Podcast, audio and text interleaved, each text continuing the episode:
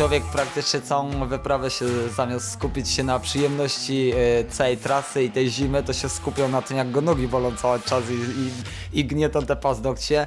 No i tak ze zaciśniętymi zębami po prostu doszedłem aż tu do Jordanowa, niedaleko domu, no i taki już był blisko tego domu, więc siostra przyjechała, przywieźli mnie do domu, chwilkę odpocząłem, dzień dwa to było te stopy troszkę podratowałem i sobie myślę, dobra, lecę dalej. 13 dni minęło, targam, jeszcze 100 km mi zostało, praktycznie 120 tam gdzieś od Jordanowa. No i ruszyłem, ruszyłem po dwóch dniach tego odpoczynku, doszłem do Bawiej, szczytu Bawiej Góry i zrezygnowałem. Jeszcze nasypało świeżego ścieku i tak mnie po prostu psychicznie jakoś zmęczyła ta droga i to wszystko, że zeszłem na dół, zrezygnowałem ten plecak ciężki i w ogóle stwierdziłem, że nie, że to jednak nie jest dla mnie, że, że wolałbym bardziej chyba tak na lekko, nie? To był Roman Ficek. Ja się nazywam Kamil Dąbkowski i witam Was w podcaście Black Hat Ultra. Roman zawitał w mojej świadomości, gdy wbiegł w sierpniu zeszłego roku na wszystkie tatrzańskie dwutysięczniki. Okazało się, że wcześniej, w 82 godziny, zdobył koronę gór Polski zimą. Jakoś tak z automatu myślałem o nim jako o człowieku z wieloletnią pasją do górskich wyryb, że te tłuste projekty były poprzedzone latami realizowania tych mniejszych. Nic bardziej mylnego. Romek od początku swojej, jak się okazuje, młodej pasji wiedział, że chce robić rzeczy duże i nietuzinkowe, a najchętniej takie, których nikt wcześniej nie robił. Prawdopodobnie dlatego 24 lipca stanie na starcie trasy wiodącej przez całe Karpaty, od Rumunii poprzez Ukrainę, Polskę do Słowacji. Chce tego dokonać w 28 dni z założeniem, że jak największą część trasy porusza się graniami. Łącznie wyjdzie jakieś 2400 km. Roman biega po górach od 6 lat i obecnie jest w świetnej formie startowej. Wygrał w tym roku bieg 6 razy Bawia i rzeźnik Ultra. To dobry prognostyk przed pokonaniem Karpat, chociaż w tego typu wyzwaniach ważniejsza jest szybsza regeneracja, odporność na kontuzje i dobry support, no i oczywiście głowa. Mam nadzieję, że ten podcast pozwoli Wam lepiej poznać Romana i jego motywację. Dla mnie to niezwykły gość, od którego bije czysta pasja i autentyczność. Zapraszam Was serdecznie do odsłuchania rozmowy z Romanem Fickiem.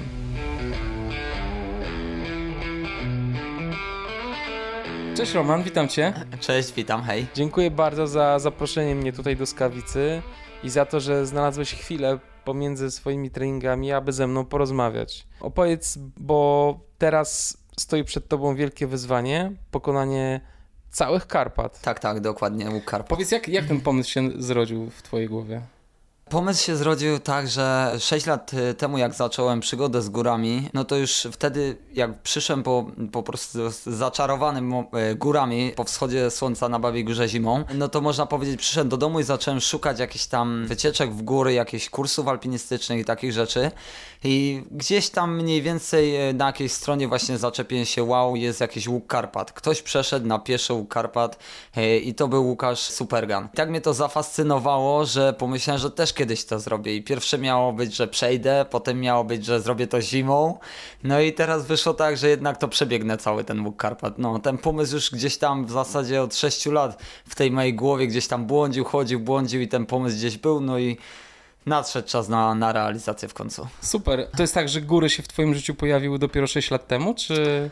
E, no, gdzieś no tam... bo je, mieszkasz pod górami właściwie, więc tak, jaki był tak. twój stosunek do gór wcześniej? E, był taki, że gdzieś tam się wyszło, na, na, wyszło się na halę krupową, wyszło się na Babię Górę, ale to było takie po prostu, nie było jakiejś tam e, magii czy chęci w ogóle tam wyjść jakiejś specjalnej, po prostu szło się przejść albo ze znajomymi towarzystwa dotrzymać, nigdy nie było takiego zainteresowania większego. E, no i w zasadzie to... A z rodzicami nie chodziłeś jakoś? Nie, nie, jednak nie. rodzice nie uprawiali sportu, e, ani też e, nie mieli nic związanego z górami, nie, nie, hmm. jednak to jest taka odrębna sytuacja, można powiedzieć. Czyli ten moment, jak poszedłeś na, na Babią Górę, zobaczyłeś ten wschód słońca i wtedy po prostu doznałeś olśnienia jakby, tak? Że te góry są tak, taką tak. magią dla ciebie. Tak, dokładnie, tak, te wcześniejsze lata właśnie jeszcze, zanim zacząłem chodzić po górach, biegać i tak dalej, dalej, e, no to nie miałem żadnej takiej pasji, zainteresowania i gdzieś tam w tej głowie też cały czas um, chciałem mieć tą pasję, prosiłem o nią i tak w zasadzie ją wymodliłem, że ta pasja się pojawiła w moim życiu. No i po wyjściu na Babią Górę, jak już zeszłem i zacząłem już potem szukać po tym internecie, to, to już wiedziałem, że, że chcę chodzić po górach. I miałem pierwsze, to miało być zdobywanie szczytów, alpinizm, Himalajs, ten temat, jakoś tak pierwsze zacząłem w górach czytać o tych Himalajstach, ale się to wszystko właśnie przerodziło, e, przerodziło się w to bieganie i te długie właśnie, e, długodystansowe biegi. A czemu tak tej pasji poszukiwałeś? Brakowało ci czegoś w życiu? Tak, brakowało mi. No, no było coś w tym, tak um, czułem, że nic naprawdę tak nie reprezentuje sobą. Grało się w zasadzie tylko na komputerze. Taką pasją to był właśnie ten e-sport. E, to była taka, taka, taka moja rozrywka, można powiedzieć, zabicie czasu, ale do niczego to w zasadzie nie prowadziło. Taki, taki byłem trochę zagubiony, można było powiedzieć. Nie wiem, co ze sobą zrobić. Nie miałem w życiu nic fajnego, nie robiłem nic fajnego. E, a miałeś a, jakąś pracę na przykład? Tak, ale tak? to takie, tak, z tą pracą to jest też taka e, przygoda moja, bo e, wykształcenia nie mam jakiegoś specjalnego, dopiero teraz robię liceum ogólnokształcące mając 30 lat. Człowiek chyba po prostu zmądrzał po paru latach. E, no i człowiek się tak właśnie poniewierał po różnych budowach, po różnych e, stolarniach, po różnych tych pracach. Do dziś jeszcze w zasadzie e, gdzieś tam się próbuje, chodzi po zakładach i tak dalej, ale no, no, gdzieś ciężko mi się oswoić na jakiś taki dłuższy czas, dłuższy moment. Nie mogę takiego miejsca swojego znaleźć. No, tak to wyglądało przed. Okay. Jak zacząłeś się interesować górami, jak to zaczęło wyglądać? Właśnie zacząłeś, najpierw przeszedłeś przez fazę bycia Himalajstą, tak? Czemu to tak. ci przeszło? Kurczę, chyba jakoś tak, jak widziałem jakie są koszta tych wypraw, tego sprzętu i to wszystko, e, jakoś tak, kurczę, chyba mnie to przerosło trochę, w sensie nie wiem, czy dam radę, dużo tego. E, Chciałeś coś prostszego, tak? Prostszego, kurczę, był to też takie wyjście trekkingowe. Zacząłem od trekkingu, no i tak, pierwszą wyprawą jaką był, to było przejście głównego szlaku Beskidzkiego. No i oczywiście obrałem sobie to jako zimą, nie? Że zrobię zimą, będzie to wielkie wyczyn, bo latem no to każdy szybko przechodzi. No to ciężki plecak ubrałem, chyba 25 czy 30 kilo. Ja oczywiście chucherko, na mnie taki plecak ciężki to naprawdę czułem się jakbym szedł z mega, mega jakimś ciężkim bagażem. No i ruszyłem z Wołosatego. No i praktycznie po 11 dniach dotarłem do Jordanowa tuż przed Babią Górą. No i tak mi naprawdę dało popalić e, i buty za ciasne, bo człowiek nie miał pojęcia, to zamiast numer większe kupić, czy dwa numery, to ten sam numer się kupiło, co w normalnych butach się chodzi. Skarpetkę grubą dałeś, paznokcie posłodzone, pościskane. Człowiek praktycznie całą wyprawę się zamiast skupić się na przyjemności e, całej trasy i tej zimy, to się skupiał na tym, jak go nogi bolą cały czas i, i, i gnietą te paznokcie. No i tak ze zaciśniętymi zębami po prostu doszedłem aż tu do Jordanowa, niedaleko domu, no i taki już był blisko tego domu, więc siostra przyjechała, przywieźli mnie do domu, chwilkę odpocząłem, dzień dwa to było. Te stopy troszkę podratowałem i sobie myślę, dobra, lecę dalej. 13 dni minęło, targam, jeszcze 100 km mi zostało, praktycznie 120 tam gdzieś od Jordanowa. No i ruszyłem, ruszyłem po dwóch dniach tego odpoczynku, doszłem do Babiej, szczytu Babiej Góry i zrezygnowałem. Jeszcze nasypało świeżego ścieku i tak mnie po prostu psychicznie jakoś zmęczyła ta droga i to wszystko, że zeszłem na dół, zrezygnowałem ten plecak ciężki i w ogóle stwierdziłem, że nie, że to jednak nie jest dla mnie, że, że wolałbym bardziej chyba tak na lekko, nie? No, no i potem jakoś tak te biegi górskie gdzieś tam weszły, weszły w ten temat, zacząłem po tym internecie grzebać. E, nie wiedziałem nawet, że ludzie w ogóle biegają takie tysiące, setki kilometrów, to byłem też w szoku w ogóle, że, że coś takiego jest możliwe.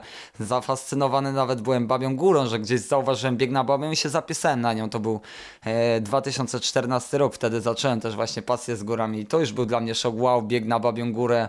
Kurczę, no tu u nas na wsi to nikt nie wiedział w ogóle o takich rzeczach, ani zaznajmy, że się gdzieś tam biega po górach, na szczytach, gdzie tam e, już nie mówię jakieś ultra 100 kilometrów, czy, czy jeszcze więcej kilometrów, to więc naprawdę było e, szokujące. No ale po tylu latach teraz to już jest takie dla mnie jakieś normalne się zrobiło.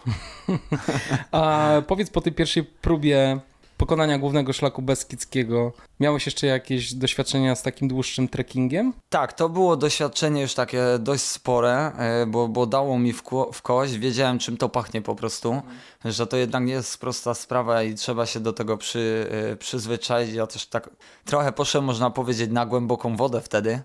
E, bo ani nic krótszego nie zrobiłem, ani żadnej stówki, czy tam dwusetki, no też nawet tą e, na biwaku nigdzie nie tam wyżej w lesie i no po prostu wziąłem na więc się, no dobra, ludzie tak śpią, no to też wezmę ten namiot i też jeszcze tam prześpię w nocy i wezmę śpiwór i będzie spoko, ale jednak jak się nie ma doświadczenia, to to nie jest takie proste po drodze, jednak e, głowę łamie pogoda i niepogoda i zmęczenie i długi szlak. E, No i w zasadzie tak, no na tym GSB to trekking się skończył. No i cały czas w międzyczasie biegałem, uprawiałem sport, rower i te ćwiczenia, żeby po prostu być silniejszym, wzmacniać się cały czas. Ale to już było po tym GSB, tak? E, Czy po, nie nawet przed, przed? i po tym też, cały czas w trakcie to było, w trakcie to było, ale wiedziałem, że jednak nie będzie to takie, że długie dystanse to jednak nie będą dla mnie z ciężkim plecakiem. No i potem jakoś dalej gdzieś był ten sport, te góry, ale troszkę mi te wyprawy tak odeszły i potem znowu mnie nasza ochota, żeby zrobić coś fajnego, ale teraz, żeby się to udało. No i taki łatwy cel właśnie obrałem sobie, można powiedzieć, bo to była Korona Gór Polskie zimą, 28 szczytów e, w poszczególnych pasach Polski. Łatwy cel. Widziałem, że Coś tam, mniejszego. Wi- Widziałem akurat, że tam rekord był 168 godzin, więc sobie myślę, kurczę, nie jest źle. Powinienem dać radę to biegiem zrobić, nie? Ale zdobywałem w między tym czasie przygotowań gdzieś tam jakieś e, szczyty zimą, właśnie w Tatrach, gdzieś tam jakiś kościelec, to się wyszło gdzieś tam na Kasprowy Wier, gdzieś tam latem się wyszło, nie po szlakach się coś tam chodziło. E, także, także jakieś tam już doświadczenie zaczynałem zbierać. No i łatwy cel, no i ruszyłem. No i to już musiałem, musiało mi się to udać, bo inaczej mogłoby mnie to naprawdę załamać. Jakby już druga porażka była, to mogłoby mi się odniechcieć tych gór i tych, tych moich kurczę dziwnych pomysłów. No i udało się, udało się, wykręciłem niezły nawet czas, bo 82 godziny i tam było 50 e, minut, e, niedaleko nawet rekordu e, letniego, bo letni bodajże jest chyba 67 czy 68 godzin, także, także tam dużo do letniego nawet nie brakowało. Może jak nas policja nie zatrzyma, może jakbyśmy nie jechali tankować na Słowację, to, to jednak tu gdzieś ten czas może by jeszcze skrócił dużo więcej i, i nawet jeszcze by można było ten, ten czas lepszy wykręcić. A powiedz, a jak się No. przygotowywałeś do tego zimowego pokonania korony gór polskich? Kurczę, jakoś tak nie było specjalnego przygotowania. E, Zacząłem więcej biegać. To tak robiłem gdzieś koło 100 km bodajże na tydzień. I biegałem dużo góra-dół, góra-dół. Jeździłem właśnie na Słą Górę i stamtąd e, na halę krupową po 5, po 6 razy dziennie na przykład wbiegałem, bo wiedziałem, że to Korona Gór Polskiej to jest bieg góra-dół. Że to na szczyt i z powrotem, na szczyt i z powrotem. I też tak trenowałem. Nie było wtedy żadnych też interwałów, nie robiłem, nie robiłem y, skipów, żadnych takich rzeczy. No człowiek nie miał pojęcia w zasadzie jeszcze nic o, o, o bieganiu. O treningu. Tak, Mhm. o takim treningu. No po prostu tylko się biegało tak zwyczajnie, żeby, żeby siła była. No dobra, no tak zwyczajnie, ale to nadal jest ogromny wysiłek dla początkującego biegacza. Jak ty wspominasz te początki? Tak. Szybko aha. się regenerowałeś, czy też przechodziłeś przez jakąś mękę przez pierwsze E, miesiące? No, y, szy- no początki, początki były ciężkie, tak. No jak zaczynałem biegać, to wiadomo, zero wydolności, zero siły, zero wszystkiego. Ale wiedziałem jakoś tak, e, w środku czułem, że, że jak im więcej tego będę robił, im bardziej się będę starał, to ta siła będzie zwiększać się. No bo każdy tak zaczynał w zasadzie. No nikt się nie urodził i nie wybiegł trzy razy na bawią z zaszczała, prawda? No tak. Gdzieś każdy sobie tam musi e, zapracować na to przez jakiś czas. No. Także czułeś w sobie potencjał po prostu. Chyba tak, chyba tak. Chyba wiedziałem, że, że jestem chudej kości, chudy, e, że, że idzie mi to bieganie, że, że po prostu mam tą wytrzymałość jaką w sobie i jak e, zapracuję na nią jeszcze bardziej treningami, to jeszcze będę silniejszy, że No i chciałeś to zrobić przede wszystkim, tak? Tak, i- To tak, i odnalazłeś w tym swoją pasję. tak, dokładnie. Chciałem to zrobić, chciałem coś zrobić fajnego, co, coś, co, co nikt nie robi, albo coś, kto mało robi, coś, coś niezwykłego. No, chciałem gdzieś tam zaistnieć, można powiedzieć. Ciekawe właśnie, że dla ciebie małe cele y, to są tak naprawdę bardzo, bardzo duże wyzwania. E, Czy to jest właśnie spowodowane tym, że chcesz robić duże rzeczy, żeby to miało jakiś wpływ na ludzi dookoła? Żeby wszyscy mogli powiedzieć, o wow, to jest wyzwanie. E, No nie powiem, fajne to jest, jak się Aha. zrobi coś nowego, coś fajnego, coś takiego wielkiego, e, niestandardowego. Fajnie, potem ludzie gratulują, e, biją brawo. E, fajnie jest pokazać komuś, że, że da się coś zrobić, że da się to właśnie udowodnić, że ktoś, kto nie miał styczności nigdy z, tam z górami, ze sportem, tak jak ja na przykład, bo dopiero od 24 roku życia zacząłem ten sport uprawiać, że że jak chce się i, i masz ochotę i kochasz to, co robisz, to dasz radę po prostu e, to zrobić. To jest e, duża e, siła właśnie w głowie leży. No, jednak dużo ludzi się ze mnie, można powiedzieć, śmiało, czy mówiło, że tam będę chory, czy coś tam, jak zaczynałem biegać i tak dalej, a dziś ci sami ludzie po prostu e, na przykład z daleka już tam e, mi cześć pokazują, wołają jak tam, gratulują, już nie mogą się doczekać następnej tam wyprawy, wyczynu e, i są zafascynowani w ogóle, no. No to miłe jest, prawda? Tak, to, no, to jest bardzo miłe, no i też pokazałem, że, że, że da się, fajnie, może, może ktoś inny też zacznie gdzieś tam odszuka siebie swoją gdzieś tam pasję, czy coś zacznie robić, e, robić fajnego. No. Tak, czyli lubisz też inspirować, prawda? Tak, Swoim fajnie działaniem. zinspirować. No mnie akurat zainspirowały dwie, e, dwie książki. O, To też muszę o tym e, opowiedzieć, bo to też takie były moje początki. E, Mhm. Przed samą tą pasją przeczytałem e, w, Sekret e, i Potęgę Podświadomości. To są książki, które opowiadają o tym, co myślisz, to to się urze- urzeczywistnia. O czym tak, co tak naprawdę wierzysz, to o czym marzysz, to to się e, w życiu urzeczywistni. Tylko musisz myśleć o tym cały czas i wierzyć w to.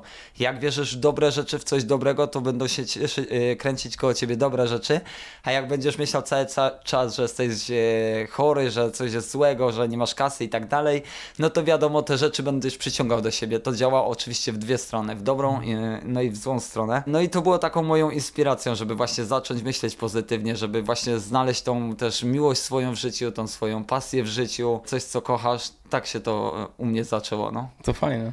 No, no, jest to, jest to. Niety, nietypowe, powiem ci, dla biegacza, bo biegacze zazwyczaj wskazują na inspiracje, które przyszły od innych sportowców.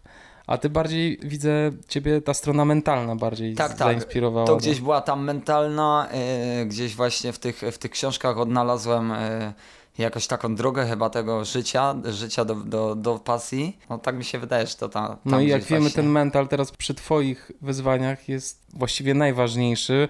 Poza jeszcze tym, żeby wytrenować się na tyle, żeby nie łapać y, szybko kontuzji, no i modlić się, żeby pogoda była dobra. Nie? Tak, To tak, jednak no. ta głowa jest mega ważna przy tych dystansach, prawda? E, Tak, tak, mega jest ważna, dokładnie, no i pogoda, no, no jednak góry takie wyższe, no najgorsze te burze są, kurczę, no to trzeba ni niestety uważać na to wszystko, no i kontuzja, no, no modlić się, żeby nie było, jakiś tam uraz lekki czy coś, da się wiadomo przetrzymać dzień, dwa, trzy, ale gdyby to było już jakieś grubsze tam złamanie czy coś, no to jednak no taka wyprawa mogłaby polegnąć, można powiedzieć. Miałeś już jakąś większą kontuzję?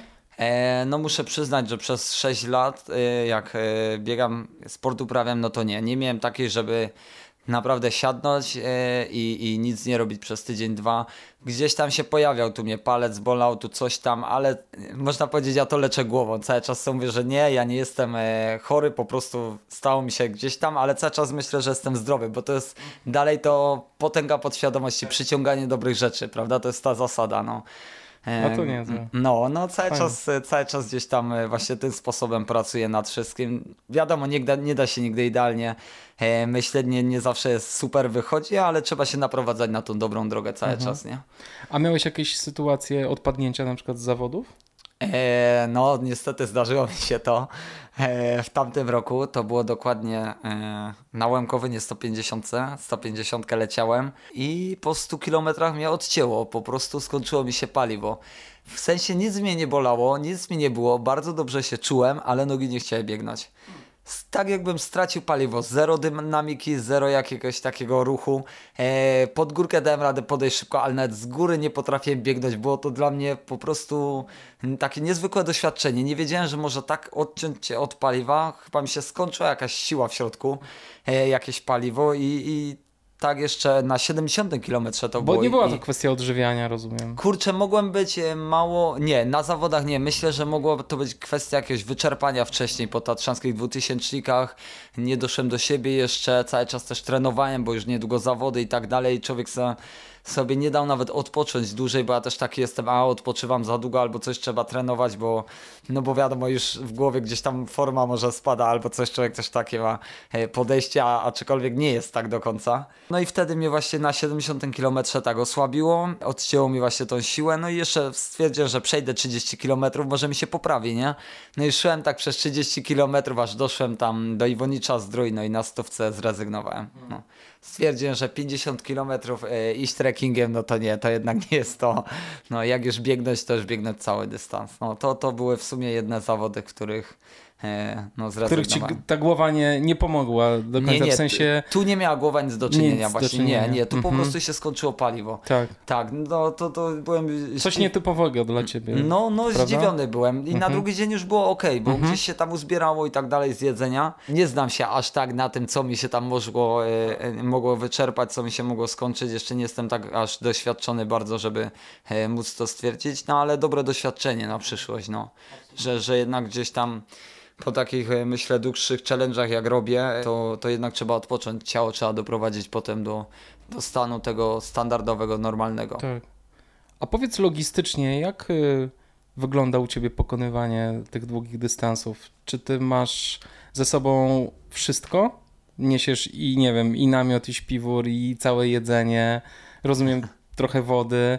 Czy jak Ty Mhm. to planujesz? Czy też zostawiasz sobie depozyty w schroniskach? Jak to wygląda u Ciebie? Przykładowo, jak robiłem e, ty- 28 szczytów pokonywałem, Koronę Gór Polski, to mieliśmy auto, bo wiadomo, podjeżdżaliśmy autem pod każdy szczyt. e, Ja e, wbiegałem, zbiegałem, no i pod następny szczyt, no to miałem wszystko w aucie, tu nie było problemu. Było jakieś jedzenie w aucie, coś się kupiło po drodze i tak dalej, i tą wodę też mieliśmy. Lecz jak natomiast pokonywałem w tamtym roku 55 tatrzackich 2000, to 3 dni przed e, samą wyprawą były zawody Tatra Fest. Zaraz po zawodach na drugi dzień zostaliśmy w Zakopanem i z siostrą i z jej chłopakiem pojechaliśmy rozstawić depozyty. Jeden na 80 czy tam setnym jakoś tak kilometrze było, schowany w takiej fajnej z kamieni chatce ułożonej. Tam sobie schowałem cały pakunek, orzechy, jakieś tam miałem ryż nagotowany z kaszą i tak dalej.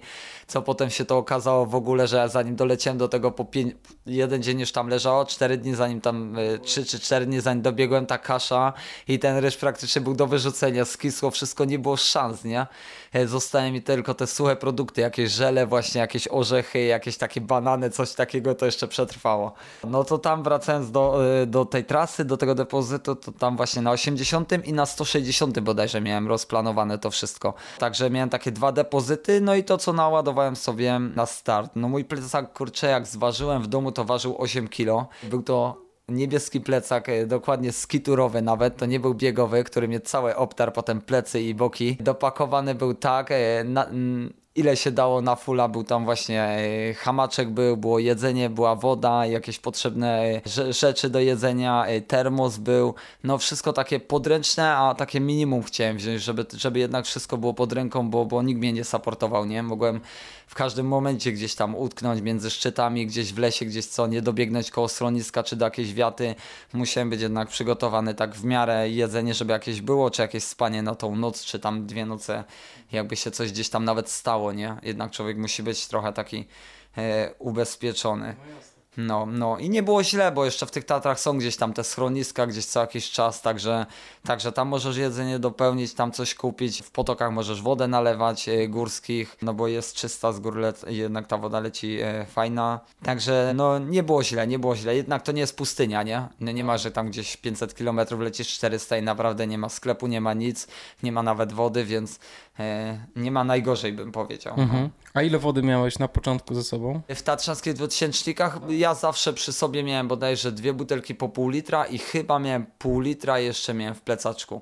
Ale to był, kurczę, muszę przyznać, e, troszkę mało, bo akurat były tak, e, dwa, trzy dni były takie upały i biegłem Tatry Zachodnie. Tam jak lecisz granią i tymi szczytami nie ma w ogóle Nie ma strumieni. Nie ma nic, Tak. nie przelatujesz żadne doliny, nic. Po pięciu czy sześciu godzinach mi się skończyła woda, z językiem na wierzchu leciałem, już po prostu myślę, że się wykończę tam. I, I w końcu przeleciałem już parę szczytów i zlatywałem taką, taką przełączką, leciałem i uwidziałem stawik mały na dole. I jak go uwidziałem, to po prostu, kurczę, jak na pustyni, jak Fata Morgana, widzisz, widziałem stawik, lecę. Zostawiłem wszystko, butelki ze sobą, do tego stawiku był taki mały, pełno glutów, mchu, Stojąca woda. tak, no taka i co? stojąca, nawet nie Wypiłeś ją? patrzyłem na to, czy jest brudna, czy nie i no po prostu nalewałem z tego stawiku, piłem ile się dało i, I było dobrze? i było dobrze, no O nie Jezu. miałem problemu. Ja powiem no. ci, przeżyłem kiedyś dokładnie tę samą sytuację w Tatrach Zachodnich, co ty. No mnie pokręciło niestety. Ja musiałem zejść do Ornaku, bo nie byłem w stanie. Także dobrze, masz twardy żołądek. No, no tam do Ornaku jeszcze miałem kilka szczytów, kurczę, nawet nie zdążyłem właśnie dolecieć do niego e, e, pierwszego dnia, no, no, no, było tak. Ale to fakt, jak mi się pić chce, to jednak nie, nie patrzy się, kurczę, i, i no się nalewa tej wody jak, jak kurczę, złoto normalnie No właśnie, bo o ile z jedzeniem, to jeszcze rozumiem, że można sobie y, zapakować sporo tego jedzenia, kalorii wziąć ze sobą, to z tą wodą jest zawsze, kurczę, problem. Zwłaszcza, no jak nie masz strumieni na szlaku. Tak, tak, no gdzieś jest, y, gdzie jest tą, y, ten problem z tą wodą. Na przykład na Rzeźniku teraz jak byłem, to też biegało się po tych lasach, górach i gdzieś tych strumieni właśnie mało było, a przykładowo jak biegaliśmy na 6 razy babią, ten strumień z każdej strony gdzieś spływa, zawsze mogłeś zamoczyć sobie tą chustkę na głowę, umyć twarz, gdzieś się pochlapać, napełnić wodę. I tu był taki mega plus na tej babiej górze, że kurczę, ja nie czułem tego, że to ciepło mi tak daje w kość, czy mi się pić chce, po prostu co ileś tam kilometrów ten strumyk był i to było naprawdę super, mega takie e, motywujące nawet, że gdzieś tam czeka ten strumyczek zimny, chłodny, super się pochlapać, nie? A od kiedy zacząłeś startować e, w zawodach ultra? I w ogóle czy rywalizacja interesuje cię w jakimś stopniu? Bo, bo rozumiem, że e, tak naprawdę to, co cię pociąga, to twój czas samotny w górach, tak? Na długich tak, dystansach. mhm. To jest dla ciebie e, ważne, roz, tak jak rozumiem. Jeśli się mylę, to mnie popraw. Ale też startujesz w zawodach, wygrywasz w tych zawodach i mam pytanie, na ile dla ciebie ta rywalizacja jest ważna? Jak zaczynałem w sumie w tamtym roku ultra, to było, e, mamy teraz czerwiec, zacząłem w tamtym roku, w kwietniu było moje pierwsze ultra na Salamandrze. Tam biegłem setkę, e, no to dokładnie 14 miesięcy temu, od tego czasu biegam takie ultra długie dystanse na zawodach. Wtedy jeszcze nie myślałem tak o rywalizacji, jakieś to było tak, chciałem po prostu przebiegnąć, ale też mieć dobry wynik, fajnie się pokazać, zobaczyć co potrafię po prostu. E, Porównać się z innymi tak, trochę, porównać się z innymi, porównać się z innymi, zobaczyć y, co, co mogę z siebie dać, bo e, wcześniej tak się porównywałem, mm, ale tu bardziej na Babiej Górze widziałem jak tam przebiegli jeden razy babie, jak robiłem tą samą trasę, widziałem, że mam nawet niezły czas, więc mogę się spróbować, nie? Ale już mnie kręciły raczej te dłuższe dystanse od razu. E, No i w zasadzie jak zrobiłem 30 km leciałem w grudniu na Winter Trail Małopolska, no to potem następne zawody były w kwietniu i od razu poszłem na setkę. To z 30 na setkę od razu przeskok, ja wiedziałem, że, że chcę biegać długie. E, No i co, lubię, e, lubię się też porywalizować, jest to jednak e, fajna sprawa, jeszcze przede, przede wszystkim jak masz wyniki, jak widzisz, że cię stać na to, że wygrywasz, że, że dasz radę dojść tych nawet najlepszych, gdzieś tam ich się zbliżyć do nich, e, to, to jednak ciągnie ta rywalizacja. Jest to też fajne, ale głównie to właśnie po to biegam, żeby właśnie robić wyprawy, gdzieś tą przygodę przeżyć, gdzieś coś zrobić fajnego, jakoś stworzyć historię w tych biegach. No, chciałbym naprawdę taką historię fajną tworzyć, jak na przykład polscy himalaiści gdzieś tam w górach e, zdobywać, odkrywać. No, coś, coś we mnie siedzi właśnie takiego, żeby odkrywać ten świat właśnie e, na, biego, na biegowo w górach. No świetnie. Super, że masz predyspozycję do tego, prawda? To jest chyba duży dar.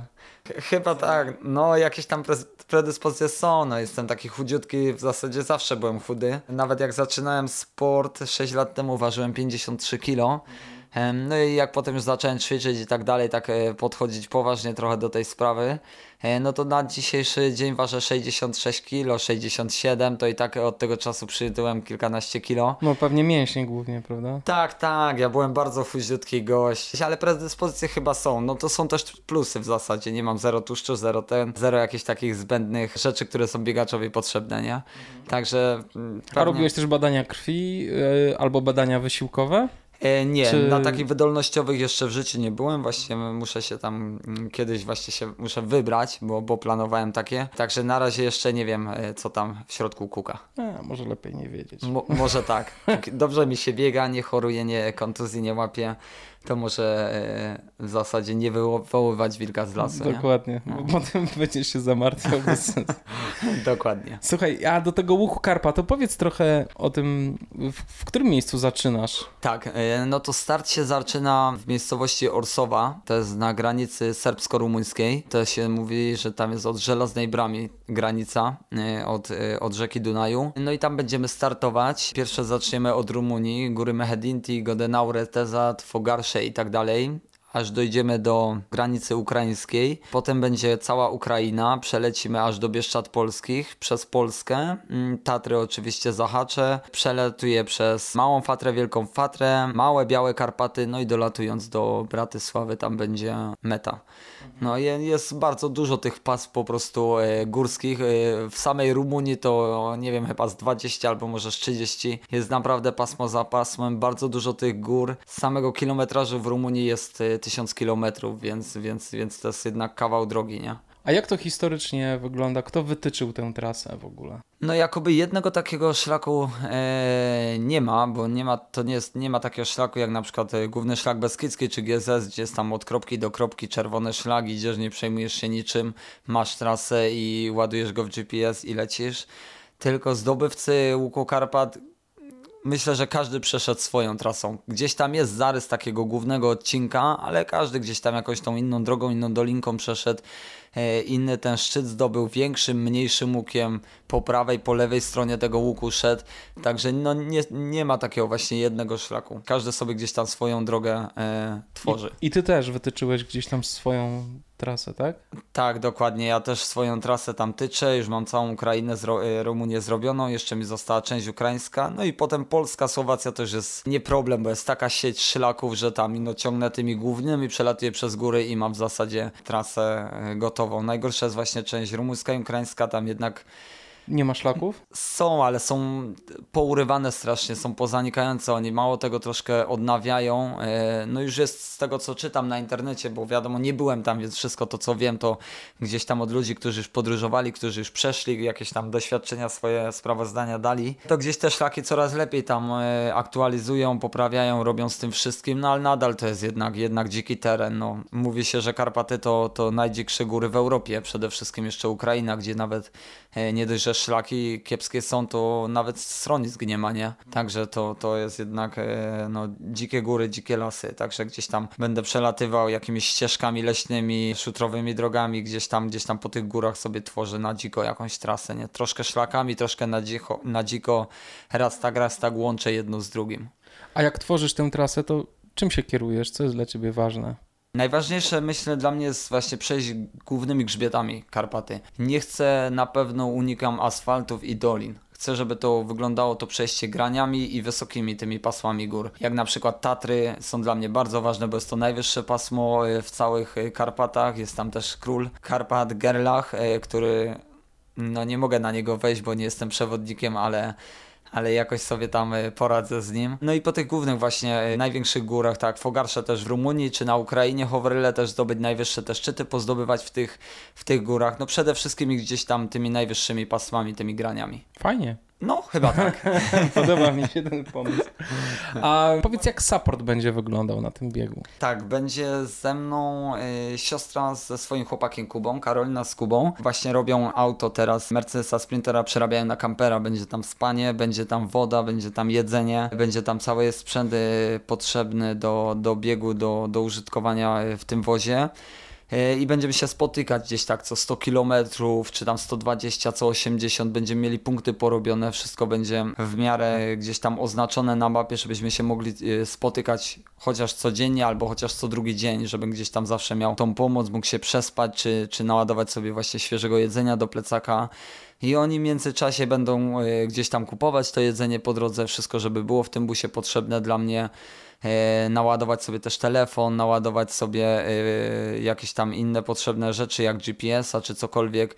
E, także oni będą się równolegle, można powiedzieć, ze mną poruszać od punktu do punktu, od punktu do punktu. Ile zamierzasz dziennie kilometrów pokonywać? No tak, myślę od 80 do 100 kilometrów mhm. dziennie powinienem zrobić. Przewyższenia myślę, że będzie od 3,5 tysiąca do 4,5 tysiąca dziennie. Też zależy jaki teren, jakie to będą góry, jaki ten kilometraż będzie, ale plany właśnie mamy takie. Tak sobie to obliczyłem, zobaczymy jak to, jak to wyjdzie, bo akurat na Tatrzańskich 2000 troszkę tam mnie można powiedzieć, e, teren i cała droga. No pewnie dużo przyminusował przy tym wszystkim e, plecak 8-kilowy przyminusował, bo jednak 8 kilo na plecach. Biegnąć kilka dni pod rząd to jednak nie jest takie proste ze wszystkim na plecach. Nie masz tej koordynacji ruchu, jest to ciężkie, jest to uciążliwe. Musisz mieć całe jedzenie i wodę, e, także no to strasznie spowalnia. No i przede wszystkim ta była góra i dół, góra i dół. Tam nie było takiego kawałka, żeby naprawdę można było coś przyspieszyć, czy, czy cokolwiek nadrobić trasy. Wszędzie gdzieś jakaś spinaczka, jakieś łańcuchy, jakieś coś po drodze. A tu jednak będę tak na lekko biegnął, prawda? Tam 2-3 kilo będę miał w plecaku, jakaś ta woda, jakieś to jedzenie, jakaś tam kurtka, cokolwiek. Czy chociaż ten hamak jakbym gdzieś tam utknął, nie dobiegnął, czy coś się stało. Yy gdzieś tam zabłądził czy coś, bo wiadomo, takie, takie rzeczy trzeba też brać pod uwagę. Przede wszystkim jak się górnie znajdzie się w nie pierwszy raz, nie wiadomo co tam czyha w trawie, także no, tak, ta, tak planuję, 80 stówkę no, dziennie. A jak z tą wodą? Planujesz? W sensie liczysz na to, że będą strumienie, a jak ich nie będzie, to co? Kurczę, jak nie będzie, no to nie wiem, to się wrócę z powrotem do Orsowa. nie no, myślę, że gdzieś tam, e, bo fajnie też e, Łukasz Supergan, on tam opisuje te Karpaty, bo on je przeszedł tam z powrotem. E, On wszystko fajnie tam opisuje, tylko że on trekkingiem.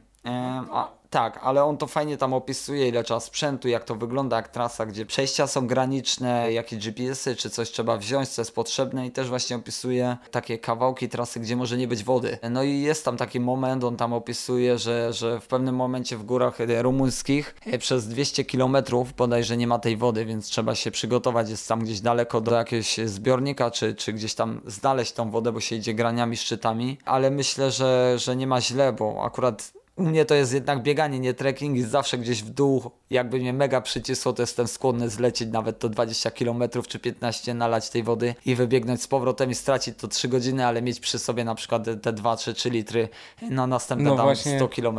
No. Właśnie się chciałem ciebie spytać, czy planujesz ewentualnie coś takiego? Tak, jakby... Zejście z trasy, żeby uzupełnić. Kurczę, tak do 10, 5, 15 w razie W naprawdę jakby było źle, trzeba było tej wody, czy, czy coś niedobrego, czuł się naprawdę osłabiony, no to ewentualnie tak, ale, ale, ale raczej to nie, raczej będę się starał cały czas gdzieś tam tej głównej linii, którą sobie tam wyznaczę trzymać, no tam zboczy się gdzieś tam troszkę w prawo, w lewo, ale przede wszystkim zarys trasy, żeby gdzieś tam był, nie? A masz dobre mapy tych terenów? Tak, pokupowałem w tamtym roku też jak e, miałem zimą przejść Karpaty, to właśnie pokupowałem sobie cały zestaw map, kupę kasy na to wydałem, także mapy jeszcze zostały. Na internecie jest w ogóle dużo takich właśnie gdzieś tam programów, gdzie można sobie tworzyć tą, tą trasę, te mapy, cały ten zarys trasy, także no akurat co do tego to, to nie ma źle, nie ma tra- jakiejś tragedii. W końcu ma być to przygoda, więc nie muszę znać każdego metra do, dokładnie. Nie no, absolutnie, ale to dosyć duże wyzwanie, więc dobrze jest się przygotować jak najlepiej. Tak, tak. Im więcej Pomimo będę wszystko. wiedział o górach, im więcej będę o trasie wiedział, tym mniej się będę stresował.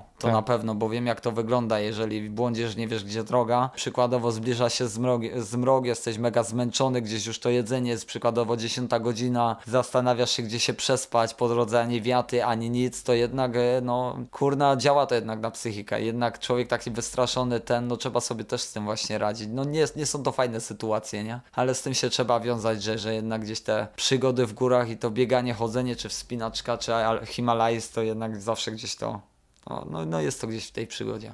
A masz jakieś patenty na spotykanie dzikich zwierząt na przykład? Takich, E. które mogą cię dziabnąć? Nie E. tych, co uciekają, typu sarenki. E, rozumiem, rozumiem. gdzieś tam takie grubsze pewnie zwierzątka włochate. No. Akurat dziki, takie jak dziki, no to spotykam tak czy czy na co dzień nieraz, to, to nimi się nie przejmuję, gdzieś tam sobie gonią cały czas. Jak je widzę z daleka, to się drę, jak widzę, że są blisko, to zawsze podlatuję do drzewa, drę się dopóki nie uciekną i dopiero gdzieś tam po 5 minutach lecę dalej. Niedźwiedzia jeszcze nie niestety albo stety nie miałem okazji spotkać. Gdzieś tam w Tatrach widziałem małe cztery niedźwiadki, ale to mega daleko tam były z czerwonych wierchów, je było widać, no się tak fajnie światełko od nich odbijało od tej sierści. Szła matka i cztery małe za nią, super to było e, widać. No tak oko w oko mi się nie zdarzyło zetknąć. No chyba niedźwiedź to jest taki myślę najgorszy, bo wilki gdzieś się też tam trzymią z daleka. One sobie gdzieś tam krążą, chodzą, ale ślady są, jest ich dużo, ale też nie miałem okazji spotkać i jakoś się tak nie boję ich. No, no nie, myślę, że ten wilk się bardziej boli człowieka w końcu chyba. Chyba człowiek jest najgroźniejszy jednak No na tym tak, świecie. chyba no. że jest watacha i wilki głodne. Chyba, że się spotka tak jak ostatnio na górze spotkałem borsuka, który miał wsadzoną głowę do puszki po farbie i po prostu e, nie mógł jej wyciągnąć i kurczę... Co, pomogłeś mu? Tak, pomagałem. Ojej. Dzwoniłem do szwagra, bo jest myśliwym, e, żeby mi doradził, co zrobić. Więc tak, nadepłem na niego do, e, nogą i ciągłem mu tą puszką z całych sił. Po prostu już myślałem, że mu głowę urwę i on się w pewnym momencie tak by mi wyrwał spod tej puszki i już nie chciał, nie, nie, nie dałem rady mu po prostu ściągnąć tej puszki. Byłem mega w szoku w ogóle, że on tam wsadził tą głowę, no i uciekł gdzieś, gdzieś w krzaki, no. Nie, nie, nie, niestety chciałem uratować borsuczka, ale nie udało się, no. No, no. Chyba Mamy- 20 minut z nim walczyłem po prostu. Ojejku. Kurna, Mam- nie chciałem też, żeby mnie drapnął, czy coś taki Mhm. agresywny się potem strasznie zrobił. Nie wiem, czy No. ta głowa mu spuchła w tej puszce, czy, czy co, kurczę, ale tak ciągłem, że no, no szok, szok, no, no. Musiałem go zostawić, zresztą też nie miałem czasu, bo mieliśmy ważną sprawę w rodzinie. E, musiałem zbiegać właśnie z góry, no i w sensie, no nic, przyjdę go może na drugi dzień uratować, nie? Ale, ale szwagier mówi, że pewnie już nie przeżył, że pewnie nie ma szans, udusił się w tej puszce, nie? Słuchaj, a jak y, twoja rodzina reaguje w ogóle na to, co robisz? Są zadowoleni? Bo mówisz, że siostra i szwagier pomagają? Eee, no, A. siostra szwagier to oni jadą akurat na Karpaty, ale Aha. tak, tak, no cała rodzinka w zasadzie na zawodach i dopinguje, czy to tam gdzieś przez internet oglądają wyniki, czy często jeżdżą ze mną na zawody. Jest to tak, tu Babia Góra, czy w Bieszczady, czy Beskid tam mały, no gdzie jakie miejsce, gdzie mają czas i ten, to praktycznie zawsze ktoś jest ze mną. No i wierzą we mnie strasznie chyba, bardziej niż ja sam nawet. E, dziewczyna to samo, e, siostry i szwagry, no cała rodzina jest jednak za mną, jednak wierzą we mnie bardzo, no w moje sukcesy, w to moje biegania. No fajnie, fajnie, że jeżdżą też z tobą. To ci musi dawać kupę motywacji, co nie? Tak, super to jest na Babiej Górze, jak też byli, to nawet transparent, transparent taki wielki zrobili, Team Ficek, e, czekali już tam na, na markowych szczawinach ze mną, e, na mnie właśnie jak zbiegałem piąty raz z Babiej. No jest to super, jest to motywujące, fajnie, że ktoś gdzieś czeka, że ktoś gdzieś tam liczy na ciebie, tak, to, to mega motywuje i też daje siły, że, że no właśnie, że ktoś wierzy bardziej w ciebie niż, niż ty sam, nie? Mm. A powiedz Roman, teraz czym się zajmujesz poza bieganiem? Y, Na wiosnę dokładnie byłem za granicą. Przerobiłem sobie tam y, kilka tygodni, zarobiłem dość fajne pieniądze. No i na ten czas, co teraz tu przyjechałem, mam czas właśnie się przygotować do wyprawy, do tych startów, wszystko pozałatwiać i tak dalej na spokojne, e, bez jakiejś spiny. E, Mam taki, można powiedzieć, czas dla siebie wolny, taki jestem. Jest, Fajnie. Jestem, no, To możesz się tak. treningom oddać po prostu i przygotowaniom. Tak, mogę Mhm. się treningom oddać. Nie mam właśnie takiej stałej pracy, gdzie, gdzie tam naprawdę muszę się jej trzymać bez super pieniądz, bez super posada czy coś. E, nie mam takiej pracy, też nie miałem takiej pracy, więc, e, więc nie mam w zasadzie czego żałować, że gdzieś tam gdzieś zrezygnuję z tej roboty czy coś po prostu. E, wszystko tak na, luzie jak na razie. A są jacyś biegacze albo inni sportowcy, którzy cię inspirują? No, ostatnio, tak, jest taki jedno, pewnie nie jednego inspiruje ta osoba jak e, Jurek Scott. Też jego książkę czytam, to jednak taki gościu, e, który naprawdę osiągnął coś wielkiego, coś wielkiego mega wyczynami. Takich sportowców lubię, on jest taki takim wyluzowanym gościem właśnie mi się kojarzy. E, No i to, co osiągnął, e, jakim sposobem to w ogóle osiągnął, to jest to dla mnie inspirujące. To jest taki niestandardowy sposób zdobywania, nie? On też tam zaczynał właściwie z tym jedzeniem, gdzieś tam te McDonaldy jadł i to, to jest takie wszystko inspirujące, jak przechodził na, na ten tryb e, wege i tak dalej.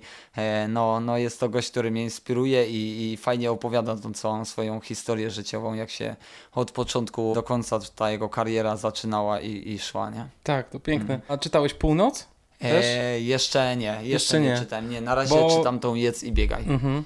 Bo to, co ty robisz z, łukiem Karpat, mi tak naprawdę to się kojarzy z, z tymi niesamowicie długimi amerykańskimi trasami. Y, Szlak y, właśnie Appalachów czy Pacific Crest Trail. Dla mnie to, co ty chcesz zrobić, to jest takie podjęcie wyzwania w Europie, które może konkurować dystansem i przewyższeniami właśnie z tymi największymi amerykańskimi biegami. Co prawda jest w Europie oczywiście kilka długich tras. Na przykład, wiesz, rozmawiałem z Pawłem Żukiem i on, on mi opowiadał o, o takiej trasie z Moskwy do Barcelony bodajże, tam No, jakieś kurczę, 5000 no, kilometrów. Kawał drogi. Mhm. Tak. Po górach czy tak bardziej? No właśnie nie. Aha, nie, nie. nie bez, Mhm. bez, bez jakiegoś tam napinania się na przewyższenia. Mhm. Ale wiesz, i, i są takie projekty i co kilka, co kilka lat, jak tu Paweł powiedział, jak, jak żona organizatorowi pozwoli, to on się bierze i organizuje taki bieg. Albo na przykład e, to, co Rafał Bielawa chce zrobić w Pirenejach. Tak, tak, no, no właśnie rozmawiałem z nim też na To ten też temat. są tak. fajne, Mhm. to też są fajne challenge. Czy już ci się rodzi w głowie coś innego poza łukiem, czy na razie chcesz spokojnie skończyć łuk i... Ech, no nie zaprzeczę, że, że gdzieś tam w głowie tak przyszłościowo trochę się myśli nad, nad tym właśnie bieganiem, nad tymi wyprawami, jak się uda już Karpaty, to coś dalej, fajnie by było to ciągnąć, może nawet z tą samą ekipą, z tą samą ekipą supportującą, czy, czy z kamerzystami gdzieś tworzyć może jakieś takie te, te filmy dokumentujące, dokumentujące z tymi e, wyprawami, tylko że inne góry, e, wiadomo, w jakimś tam innym kontynencie. Tak, myślałem właśnie, co zrobię, jak już pokonam Karpaty, czy nie będzie we mnie jakieś pustki, spełnienie już marzenia, ale myślę, że nie, że jest tyle gór na świecie, e, że jest wybór i życia braknie, żeby wszędzie być. Mam takie cele, ale, ale na razie no to Zostawisz wiadomo. dla siebie, tak, na razie oczywiście. zostawię dla siebie, nie ma co, co tak wybiegać aż bardzo do przodu, bo gdzieś jak choćbym chciał już następną wyprawę jakąś kombinować, to by było pewnie to gdzieś może 2-3 lata, trzeba się przygotować i tak dalej, odetchnąć od tej pierwszej, nie? Także poczekaj, pożyjemy, zobaczymy jak to, jak to wyjdzie. A powiedz, y, nie myślałeś o tym, jak ten łuk Karpat mógłby ciebie zmienić na przykład? Bo takie długie biegi zmieniają ludzi. Poza tym, że zdobywasz doświadczenie, oczywiście, jako biegacz, to ludzie też dojrzewają, zaczynają inaczej patrzeć na świat. Czy myślisz, jak to u ciebie będzie? I czy te twoje poprzednie challenge miały jakiś wpływ na twój światopogląd, na to, jak żyjesz? Y, co myślisz? E, no, jest to tak, że cały czas mnie e, to bieganie zmienia. To już od samego chyba początku gdzieś tam się zaczęło inaczej właśnie patrzę na świat, inaczej patrzę na te wszystkie rzeczy materialne też, które gdzieś tam tak naprawdę nie są mi potrzebne, jak na przykład mieć fajne auto luksusowe, czy jakieś super dom, czy, czy jakieś takie inne fajne super rzeczy, gdzieś na wakacje mega drogie kurczę, jednak mi to nie jest potrzebne. Gdzieś właśnie to bieganie mnie uczy, że w życiu nie najważniejsze jest te materialne rzeczy, no to właśnie jak żyjesz, gdzieś tam korzystasz z tych, e, z tych gór, z tego biegania. E, to, co ci radość daje, to powinieneś w zasadzie to robić. Nie gdzieś tam ci ludzie wszyscy, jak patrzę na to wszystko, wyprzedzają się, kto ma więcej, kto lepiej, kto lepszym autem, kto coś tam. Kurczę, ja, ja mnie bieganie bardzo zmieniło, bardzo mnie podejście w ogóle do życia zmieniło, jakoś tak e, inaczej podchodzę do tego wszystkiego, nie tak, e, nie tak jak może 90% ludzi na świecie, nie wiem, nie, nie chcę tak określać ile, ale, ale widzę, widzę po ludziach i e, jak żyją i tak dalej, jak, jak się zachowują. E, ultra, ultra i bieganie po górach mnie cały czas właśnie zmienia i doświadczenie zbieram i w życiu codziennym też, jak się zachowuję w domu i tak dalej. E, no, na pewno na dobrego człowieka mnie zmieniło. Byłem mhm. dużo gorszym człowiekiem przed tym, jak zacząłem biegać. E, teraz jestem jednak zmieniony o 100% poprawiłem się i to, to nie w jednej rzeczy i to też znajomi mi nawet potwierdzają, że, że wow, jak tyś się zmienił, ja, ja, jak ty teraz na, na świat patrzysz, jak ty to robisz i tak dalej. No jest to fajne i miłe, że, że inni też to właśnie zauważają. A jaki kiedyś byłeś? Rozrywkowy. no rozrywkowy byłem właśnie taki, że no znajomi, imprezki, e, w zasadzie nic się, życie się kręciło wokół gdzieś tam weekend, od weekendu do weekendu. Jeszcze takie lata, jak miałem 18 lat, 20, 17, to wtedy muzyka w zasadzie szumiała w głowie cały czas gdzieś tam, jak to wilki śpiewały w pewnej piosence. Muzyka była dla nas wszystkim jak Bóg, było szaleństwo dusz. No to właśnie myśmy mieli takie szaleństwo dusz, nic się nie liczyło, tylko techno i gdzieś tam deep house, house, takie klimaty i wokół tego się życie kręciło, nie? Jakieś używki też się pojawiały, czy też gdzieś tam się, pojawi się, pojawiły się gdzieś tam w życiu, no. wiadomo, gdzieś tam jednak jak się kręcisz w tym towarzystwie, takim imprezowym, towarzyskim, to zawsze gdzieś tam się znajdzie ten alkohol, czy, czy jakieś tam inne rzeczy. No, no człowiek jest y, młody, no to wiadomo, też chce wszystkiego spróbować, y, doświadczyć. Nie każdy taki jest, no akurat ja taki byłem, ale nie żałuję tego. Mhm. Nie żałuję tego wszystkiego. Może jakby nie to wszystko, to bym gdzieś nawet nie biegał. Nie wiadomo, jakby się życie potoczyło. Nie patrzę w przeszłość, ale teraz trzeba patrzeć y, do przodu, nie? To, co się robi teraz, nie to, co się robiło kiedyś. Nie, nie było celu w życiu, nie było marzeń. Teraz, teraz się to zmieniło, teraz są marzenia, jest cel, pojawiała się taka właśnie droga, co chcę w życiu robić. No i jestem w stanie poświęcić czas i pieniądze i tą swoją siłę, żeby, żeby spróbować, czy marzenia się spełniają, czy to, co piszę w książce, potędza podświadomości w sekrecie, że o tym, o czym myślisz, to to się spełnia. Chcę zobaczyć, czy to jest prawda. Jest fajnie to właśnie takie doświadczenie, zobaczyć, czy, czy jednak to, co piszą, to, to jest faktycznie prawdą. Fajnie, wiesz, nie wiedziałem, że jesteś tak mocno zmotywowany mentalnie. To jest, e, to jest spoko. No, to jestem bardzo zmotywowany mentalnie, to faktycznie jestem. Cały czas mi to wbieganie w głowie gdzieś tam siedzi. Ja idę spać w zasadzie, budzę się, idę spać i ja się budzę i myślę o bieganiu. Idę spać, to już myślę, gdzie jutro pobiegnę, gdzie jaki trening, co dalej i tak dalej kurczę i to się ściągnie któryś rok i jakbym zahipnozyzowany był tym bieganiem. Czasem się zastanawiam, czy już nie zwariowałem albo nie sfiksowałem na tym punkcie. E, czy się nie uzależniłem od tego biegania, ale myślę, że nie, póki mi to daje radość i mam chęć i ochotę, i, i, i z uśmiechem na twarzy wybiegam gdzieś tam na trasę, no to chyba jest jeszcze w porządku. No chyba tak. Ja chyba bym, tak. Ja bym się tym nie przejmował za bardzo. A ile pewnie to się zmienia zgodnie z tym, czy się przygotowujesz do biegów, czy nie, ale tak średnio tygodniowo ile biegasz teraz? Staram się tak od 170 do 200 kilometrów robić. Jest to sporo, tak. Y, jest to sporo, ale powiem, jeżeli się chodzi do pracy na 8 godzin, mm, tak nieraz chodzę po zakładach, pracuję po 8 godzin, przychodzę i to są dwie zmiany e, poranna i popołudniowa, no to jest to trudne do ogarnięcia, wybiegać 170, przy tym dochodzą dwie godziny ćwiczenia siłowego i, i raz w tygodniu jeszcze rower, na przykład na 3 godziny, 2,5 czy tam 4, no to tydzień jest po prostu wycięty. Przychodzisz z pracy, godzina odpoczynku półtorej, trening, przychodzisz, wiadomo, trzeba jeszcze się zregenerować, trzeba rozciągnąć się, może jakaś solanka, trzeba sobie jedzenie zrobić dobre do tego przed i po i tak dalej, więc to jest e, taka praca cały czas, że bieganie to nie tylko samo bieganie, to jest jeszcze parę innych różnych rzeczy. Nie mówiąc do tego, że jak się ma dom na wsi, to jeszcze trzeba skosić trawę, jeszcze węgiel wnieść, jeszcze w, pacy, w piecu zapalić, to tamto jest jeszcze dużo innych rzeczy do ogarnięcia. E, no i jest to trudne, ale tak jak w tej chwili na przykład e, nie pracuję, to jest spoko, to jest spoko, to, to budzisz się, gdzieś tam zrobisz trening, przybiegniesz, masz ten czas, e, czas na odpoczynek, nie jest to wszystko takie co do minuty, co do 10 minut ułożone, bo jak się chodzi na przykład tak na 8 godzin, to tak naprawdę miałem co, mi się przez 15 minut nie nudziło. Ja do 9 wieczór to był mój czas obliczony. Tu to, tu tamto, tu odpocząłem, zjadłem, pyk, pyk, pyk i wszystko ułożone od poniedziałku do soboty, cały plan. No, ale to się liczy też z wyrzeczeniami takimi jak no zero spotkań na przykład ze znajomymi, zero jakichś takich e, gdzieś tam jechać, wyjazdów czy coś, no nie można sobie jednak na to pozwolić, jak chce się mieć gdzieś tam dobre te wyniki, to, to, to jednak musi być ta systematyka, nie? No tak, tych, tych ćwiczeń, tego treningu, no. Ty sobie sam ustawiasz trening, czy masz trenera jakiegoś? No nie, sam sobie ustawiam, nie mam niestety żadnego trenera. Sam sobie jestem trenerem, gdzieś tam dużo czytam, dużo czytam książek, dużo czytam gazet, po internecie, coś od znajomych, od tych najlepszych też coś tam, trochę od tego, trochę od tamtego, od siebie coś zmienię, coś dodam i samo sobie ustalam jakiś tam trening.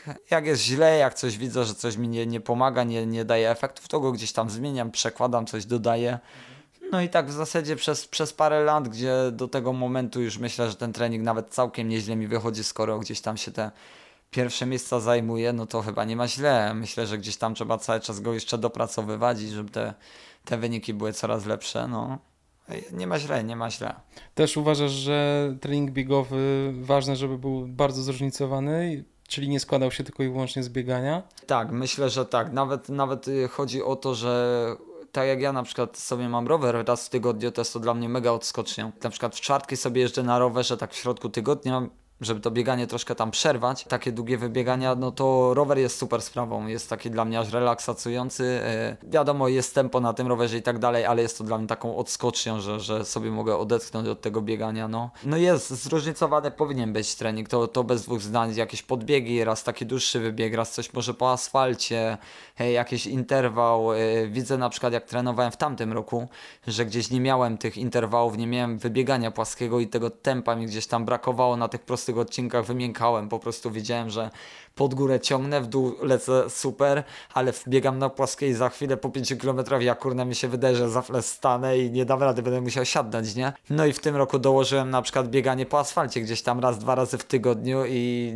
tempo i w ogóle wysiłek na płaskim mi się całkowicie poprawił. Widzę właśnie efekt, że, że jednak gdzieś jest potrzebne nawet to płaskie wybieganie, choć się po tych górach biega, że jednak są bardzo wielkie plusy tego. No. Tak, zróżnicowanie jest potrzebne, jest, nie da się tylko klepać kilometry na pałę i chyba, że się robi taki łuk Karpat. no, to można klepać kilometry. to można klepać, tak, no. no. Ale ty chcesz jeszcze po drodze wygrywać właśnie jakieś setki, tak jak teraz na rzeźniku, tak jak kilka tygodni temu mhm. bawią, pięknie pociągnąłeś. To są, wiesz, niesamowite wyniki. No tak. No. Zadowolony jesteś z tego? Oj, z siebie? No, oj, super, tak, oczywiście. Wyniki idą, idą w górę, tak, to, to cieszy bardzo, kurczę, nawet nie spodziewałem się, że tak na babie mi pójdzie. Zaskoczyło mnie, że kurczę, taki wynik osiągłem, bo myślałem, że się tam gdzieś 16 godzin, coś tam, ale jednak, jednak, no, nóżka fajnie szła do przodu, także, no, no i też moje podwórko, to nie ma dwóch zdań, znam tam każdy szlak i znajomi, i rodzina na szczycie na wschodzie i gdzieś w południe przymarkowych i na mecie na końcu, no to jednak to jest e, inne te zawody niż gdzieś tam daleko e, od domu, jednak u siebie na podwórku to jest, jest ta chyba największa moc. Czy no. przygotowując się do biegu 6 razy babia, miałeś gdzieś w głowie. Ja wiem, że to jest inna trasa niż to, co Krzysiek Dołęgowski biegł, ale miałeś gdzieś w głowie chęć pobiegnięcia szybciej? Tak, tak, chciałem to, to sobie taki z, jak najszybciej w zasadzie przelecieć, ile z siebie y, mogę dać, no to tyle, y, tyle dam, także E, Także mimo to, że ta trasa była zmieniona, to chciałem tam wykręcić dobry czas i być pierwszy, bo w końcu to zawsze jest 6 razy babia. No tak. Chociażby to trasa była inna, to, to jednak to jest ta 6 razy babia i myślę, że ktoś jak będzie chciał nawet y, tą trasę zdobywać 6 razy tą babią, to, to i tak będzie miał po drodze trudności, bo to jest y, bardzo trudna trasa, jest limit y, bardzo mały na to wszystko i trzeba, y, trzeba dużo biegać i być wytrzymałym, żeby to wszystko zmieścić się w limicie. No. A myślisz, że co jest twoim głównym atutem? E, Głównym atutem na pewno podbiegi. Podbiegi strome, lubię takie właśnie podbiegania, lubię takie, nawet można powiedzieć taką wspinaczkę gdzieś tam, im stromsze to tym czuję się mocniej, im więcej jest tego. Wiem, że na przykład na, na ultradystansach, takich setkach czy coś, jak wiem, że jestem na 70 km, a ktoś jest za mną niedaleko, wiem, że jak przede mną są przykładowo dwie góry i po 700-800 metrów podejścia, wiem, że ktoś musi być mega mocny, żeby mnie doszedł, bo, bo czuję się jednak mocny na tych podbiegach i na tych zbiegach i wiem, że tam na przykład nie stracę, nie padnę, nie osłabnę. Jednak dużo trenuję y, tutaj po górach i jest to takim moim atutem właśnie. Zbiegi też? Dobrze się czujesz pewnie na zbiegach? Tak, Lecisz? zbiegi też. No lecę, może nie, Nie jakoś, boisz się, że skręcisz może nie jakoś piorunująco szybko, ale, ale jednak gdzieś to luźno jest, gdzieś to Mhm. tempo jest i potrafię utrzymać to tempo bardzo długo i nie boję się, że się wywrócę, nie, nie ma źle jednak. Fajnie. No, no jest ta nóżka tak, tak leciutko leci w Bo dół. tutaj jak dzisiaj zbiegałem, to tam są ciężkie techniczne y, szlaki. W sensie kamień na kamieniu, wiesz, luź, luźno to wszystko rzucone na tę ścieżkę, wiesz, tak No. tam jest, no, Tak, można tak, się no. nieźle wyłożyć. Pewnie, no tu jest pełno takich, takich szlaków, same kamienie, jakieś gdzieś krzaki czy coś, no trzeba wysoko nogi podnosić. No trzeba uważać, to, to nie ma takich prostych zbiegów, nie lecisz sobie po drodze szutrowej czy gdzieś, no. Człowiek jak już biega w sumie tyle lat, już tak ja, no to gdzieś tam po prostu doświadczenie, już przyzwyczai się, już tak, tak swobodnie lata w dół. Masz jakiś swój plan żywieniowy przy swoim treningu? No nie liczę pewnie jakichś tam kalorii, nie, nie ważę, nie mierzę co do, co do tam e, setki tych kalorii czy coś tam, ale przede wszystkim zdrowe jedzenie. Na Co to pewno, znaczy? Na pewno jak najmniej przetworzone, zero takich produktów przetworzonych y, w sklepach gdzieś tam, y, które są naszpikowane dziwnymi rzeczami.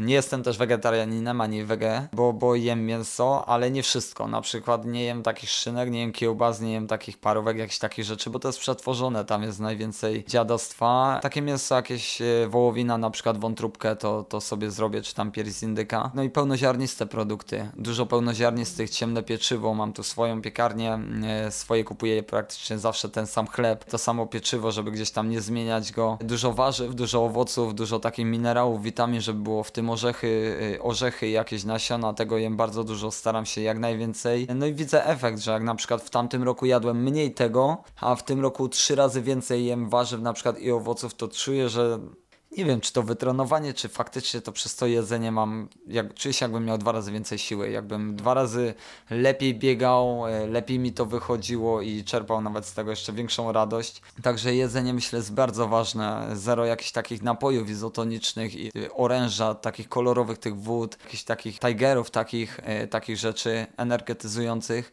e, sama gdzieś tam woda, czy jakiś taki prawdziwy sok. No, staram się bardzo zdrowo jeść, chociaż nie zawsze to wychodzi, wiadomo, gdzieś się tam zje jakieś batona w sklepie kupić czy coś, no ciężko, no sobie, jasne. ciężko sobie odmówić, nieraz czy placka u siostry jak upiecze czy coś. A nie, no takich rzeczy się nie odmawia. No dokładnie, dokładnie. No i oczywiście kawa to jednak chyba ulubiony napój. Aha. Kawa musi być, to kawa. A jeśli chodzi o mięso, masz dostęp do dobrego gatunkowo mięsa tutaj u siebie, czy Kurczę, w sklepie kupujesz? Mięso jednak kupuję w sklepie, nie mam takiego dojścia, żeby gdzieś te swojskie rzeczy takie kupować, ale na przykład jak jajka czy coś takiego, to, to tak, na przykład takich serów nie jem, no to nie mam z tym problemów, bo sobie gdzieś tam kupuję jakieś takie produkty eko czy fajne, fajnie zrobione, ale nie, no mięso jednak jem to ze sklepu, chociaż coraz mniej staram się jeść tego mięsa, gdzieś tam mi to widzę, że z biegiem czasu mi coraz więcej rzeczy odchodzi, jak na przykład ostatnio odstawiłem sobie mleko od krowy i piję tylko ryżowe na przykład, więc gdzieś tam Mam też taki sposób tego wszystkiego robienia, że jedną rzecz odkładam, jedną sobie dodaję. Myślę, że to jest taki fajny sposób, żeby nie wszystko naraz zmienić, bo ciężko sobie potem poradzić z tym, jak sobie odmówisz kilka rzeczy naraz. Nie dajesz sobie rady, gdzieś tam ta ochota jest podebrać to, ale jak tak od jed jedną odstawiasz, jedną dodajesz i po dwóch tygodniach znowu coś, coś takiego niefajnego odstawisz, coś, coś zamienisz to na coś lepszego, to jest takie e, właśnie fajny sposób. No cały czas to jest, to jest praca i i cały czas zmienia się to jedzenie. Mam Lepiej nadzieję na jest, ci, lepsze. lepiej jest ci bez mleka krowiego? Kurczę, czy czujesz? lepiej? Na pewno myślę, że zdrowiej. Aha. Że, że jest zdrowiej, to ryżowe jest gdzieś tam roślinne i ma więcej witamin i przestałem to mleko właśnie krowie gdzieś tam A ryżowe kupujesz w sklepie, czy sam, sam sobie robisz? Nie, nie, taki jeszcze ekspert nie jestem, niestety w, w sklepie kupuję. No. To jest bardzo proste. Gotujesz ryż i mieszasz w mikserze i to jest gotowe. Ch- Chyba tak, ale jakoś nie przyszło mi to nawet do głowy. Nie wiem, chyba łatwiej kupić w sklepie.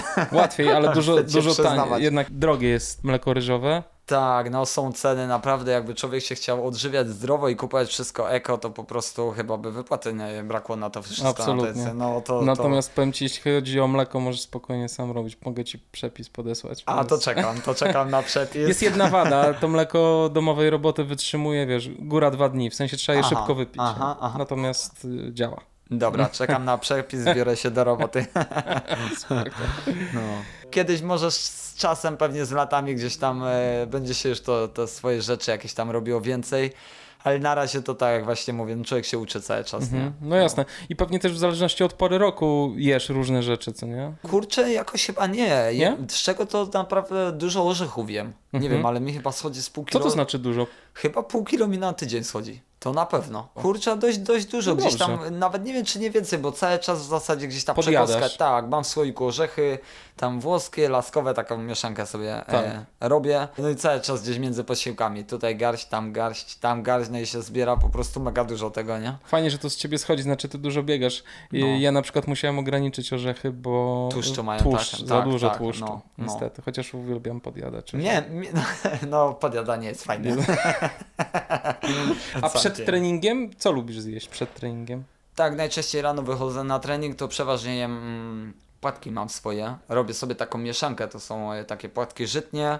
Do tego daję, jem to zawsze z jogurtem naturalnym. Teraz na przykład ostatnio czy z ryżowym mlekiem. Tam mam mieszankę jeszcze rodzynków, owoców, e, rodzynków, e, orzechów, e, jakieś pestki dyni, czy tam słonecznik. I do tego zawsze sobie owoce dodaję. Jakieś truskawki teraz właśnie są, jak jest sezon, czy maliny. Nie ma sezonu, to na przykład kiwi, jakiś egzotyczny taki owoc, czy tam banana, czy cokolwiek. Do tego jakaś łyżka na przykład miodu. No i tak wcinam to rano y, taką porcję dość konkretną. No i po tym mi się super biega, nigdy nie mam problemów, dobrze mi się biegnie, także siła jest. Myślę, że to takie podstawowe śniadanie każdego dnia. Jedno z dwóch. A w trakcie biegu na zawodach co lubisz jeść? Kurczę, z tym mam akurat, nie jestem jeszcze taki doświadczony, żeby tam mieć jakieś e, swoje upodobania, można powiedzieć. Cały czas gdzieś tam próbuję coś nowego, coś dodaję. Zazwyczaj jem na biegach banany, owoce, przede wszystkim owoce, arbuzy, banany, pomarańcze to ładuję po kieszonkach aż do fula, ile się zmieści.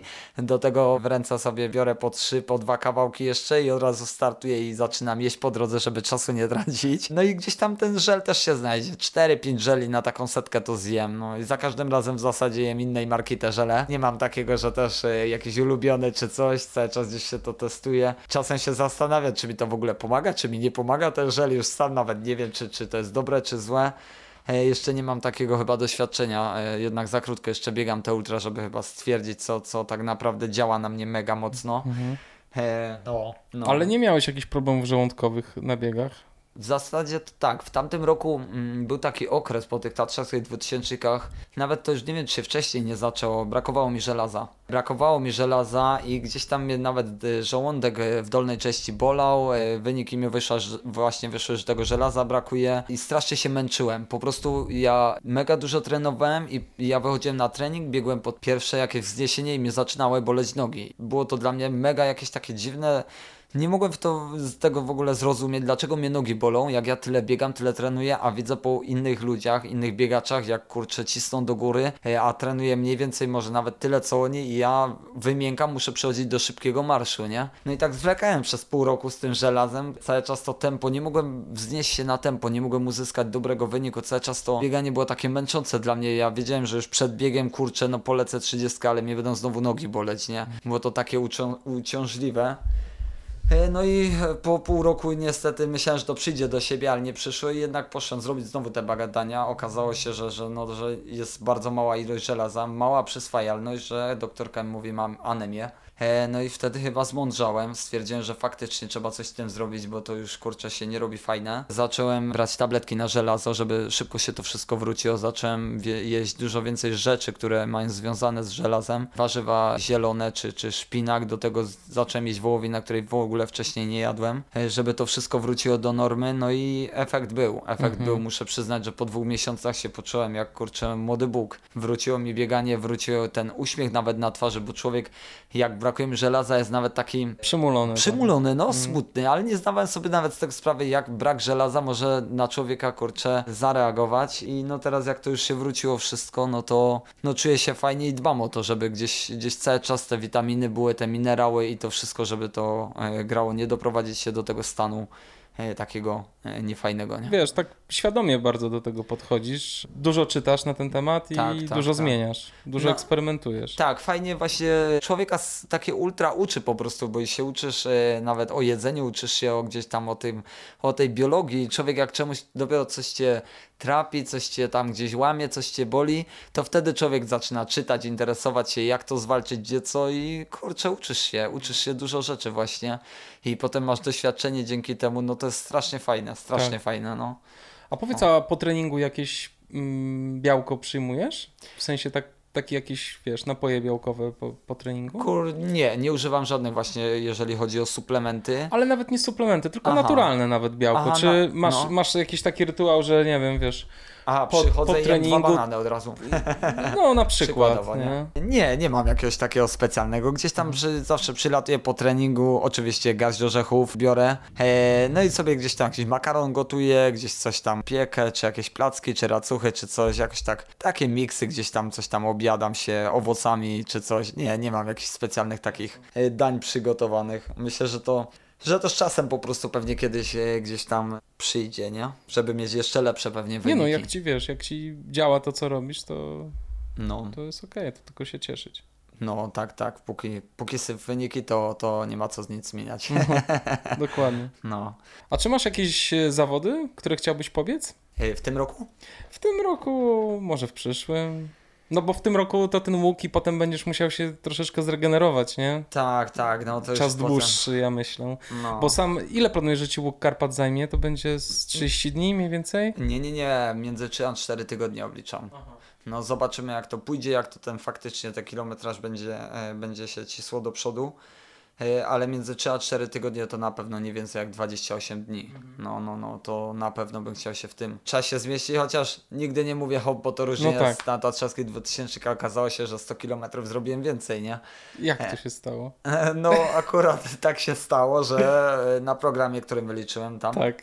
nie będę mówił na jakim, e, no to było 240, a potem Garmin mi na trasie pokazywał coraz więcej, coraz więcej. Ja miałem być na pierwszym punkcie, który sobie depozycie zrobiłem po jednym, dwóch dniach, a okazało się, że byłem po trzech dniach, także wyszło tam zamiast 80 km już tam było chyba 140 czy ileś, no to już wiedziałem, że trasa mi się mega zaczyna wydłużać, nie? Tu też nie chcę mówić, bo zawsze sobie planuję, a potem wychodzi inaczej, a jak nie planuję, to jednak, e, jednak zawsze to wychodzi, także e, zobaczymy jak to będzie, ale... ale Nie, no tak, ciężko coś planować na takiej wielkiej wyrypie, co nie? tak, której jeszcze dokładnie nikt nie robił, nikt Tak. tego tak nie przetarł, gdzieś ten, Tak. gdzieś po tych górach jest bardzo dużo tych przewyższeń jest, także no, no ciężko jest określić, kurczę, jak to wszystko pójdzie, no, no Czy ciężko. chcesz wszystko biec sam, czy chcesz, żeby cię ktoś wspierał, biegował, biegł z tobą jakieś odcinki? Na pewno coś tam siostra podbiegnie, coś, coś tam Kuba podbiegnie, także w którychś momentach na pewno nie będę sam. Pewnie jak towarzystwo się jakieś znajdzie, to z miłą chęcią zapraszam e, do wspólnego biegu. Na pewno w Polsce już parę ludzi się mnie pytało, w których momentach tam będę biegnął, o jakim czasie, który to będzie tydzień sierpnia, także ktoś się na pewno dołączy, będzie widać też e, GPS, gdzie jestem, także myślę, że nie będzie tam problemu. Żeby cię złapać. Tak, żeby mnie złapać, gdzieś tam się przebiec ten kilometr 2, 10 czy ileś, czy przybić piątkę, jasne, jasne, będzie to na pewno motywujące i wspierające, więc No, cze- czemu fajnie. nie, czemu nie. Fajnie, no to Jasne, myślę, jak, jak tylko ktoś chce pojawi. i ma ochotę, to super. Dobrze. Dziękuję Ci serdecznie za rozmowę i życzę Ci dużo powodzenia na tym cięż tej ciężkiej przeprawie. No, dzięki wielkie. Ale dzięki, widzę, że cieszysz się na to. Tak, Czy troszkę tak. się obawiasz też? I jeszcze to jest jeszcze z, no, miesiąc niecały, tam do wyprawy jeszcze nie czuję właśnie takiej, a, y, nie ma jeszcze tego napięcia, tej adrenaliny, ale wiem, że jak już będzie tam kilka dni przed i jak już widzę te góry, przejadę na drugą stronę, to wtedy sobie zdam pewnie sprawę, Roman, na co tyś się podjął, nie? Czy chcesz tam pojechać troszkę wcześniej na start, czy Tak, po prostu wcześniej- jedziesz i od razu zaczynasz Nie, biec? pojedziemy troszkę wcześniej, tydzień wcześniej jeszcze tam do Czarnogóry, pojedziemy coś odpocząć z całą rodziną, jedziemy, y, kilka tam dni będę i stamtąd już będziemy mieli dosłownie niedaleko, bo może pół dnia drogi na, na start do Orsowa, mm, na granicę, także fajnie to można takie y, dwie rzeczy od razu połączyć. No, także będzie taki wypoczynek przed trasą na start i, i 24 lipca y, ogień.